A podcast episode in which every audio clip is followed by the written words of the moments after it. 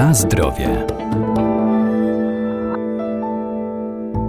Podstawowe elementy ograniczające marnowanie żywności przez konsumentów to planowanie i kupowanie takiej ilości, jaką jesteśmy w stanie spożyć. Ważne jest także właściwe jej przetwarzanie oraz wykorzystywanie m.in. do wypieków produktów spożywczych, które do niedawna traktowane były jako uboczne i trafiały do kosza, np. pozostałości po tłoczeniu soku czy oleju.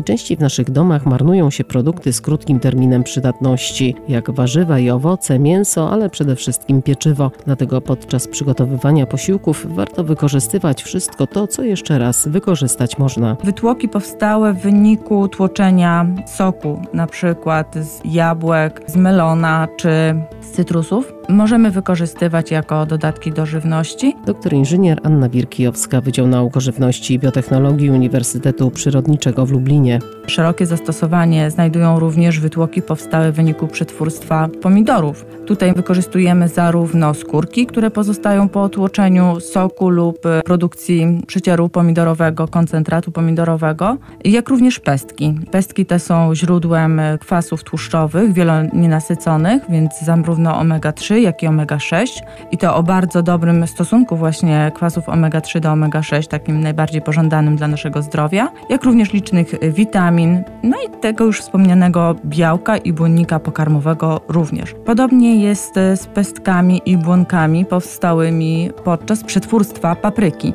One również stanowią cenny surowiec, komponent żywności. Dodane do pieczywa w ilości do 10% otrzymujemy pieczywo w pełni akceptowalne przez konsumenta. Konsumenci wskazują, że co prawda aromat jest lekko wyczuwalny w przypadku pieczywa przykład z produktami ubocznymi z papryki czy z pomidora. Kolor jest bardzo przyjemny, lekko różowy, natomiast tekstura tego pieczywa jest bardzo przyjemna, jest dobrze odbierana przez konsumentów, a ze względu na wysoką zawartość błonnika pokarmowego, pieczywo to dłużej utrzymuje świeżość, dzięki temu jest e, przydatne do spożycia przez dłuższy okres czasu i dzięki temu mamy możliwość spożyć to pieczywo do końca, nie musimy go wyrzucać jako czerstwe po dwóch dniach na przykład. Te wytłoki również mogą być komponentem do produkcji makaronów. Na zdrowie. Tak zwane wytłoki owocowo-warzywne można wykorzystywać na różne sposoby, na przykład jako dodatki spulchniające, czy też zagęstniki do wypieków. Takie wytłoki możemy zemleć i dodawać jako zamiennik mąki pszennej. Oczywiście nie możemy go dodać nie wiadomo jak dużo. Tak, do 10% uzyskujemy pieczywo porównywalne z tradycyjnym pieczywem, można powiedzieć, sitkowym, Mniej więcej to jest tego rodzaju produkt pod względem organoleptycznym. Oczywiście możemy wytłoków wprowadzić więcej, ale im więcej dodajemy wytłoków, tym bardziej zmieniają się właściwości organoleptyczne pieczywa. Na przykład staje się ono bardziej takie gliniaste, mniej puszyste, ma mniejszą objętość. Elastyczność miękiszu też spada. Co prawda wzrasta nam wilgotność e, tego pieczywa, no ale niestety konsumenci są w Polsce przyzwyczajeni już do konkretnego rodzaju pieczywa. Mamy raczej dobre pieczywo, czy potrafimy zrobić dobre pieczywo, bo nie każde pieczywo w naszych piekarniach jest dobre, czy nie każde nam smakuje. Aczkolwiek jeżeli właśnie przesadzimy z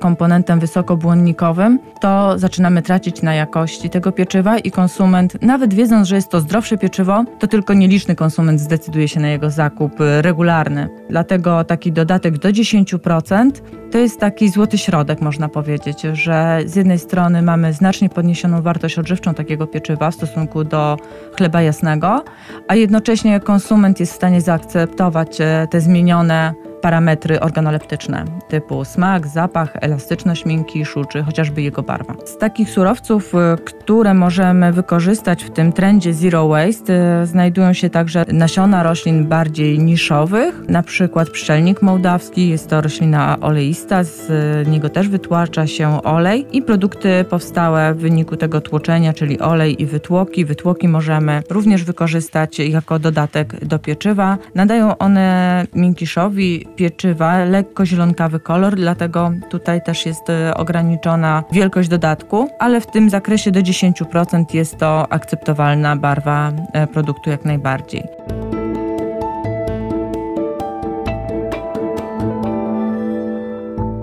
Podobnie można wykorzystywać wytłoki powstałe przy produkcji oleju z nasion czarnuszki, lnu i wiesiołka, a także wielu innych cennych roślin.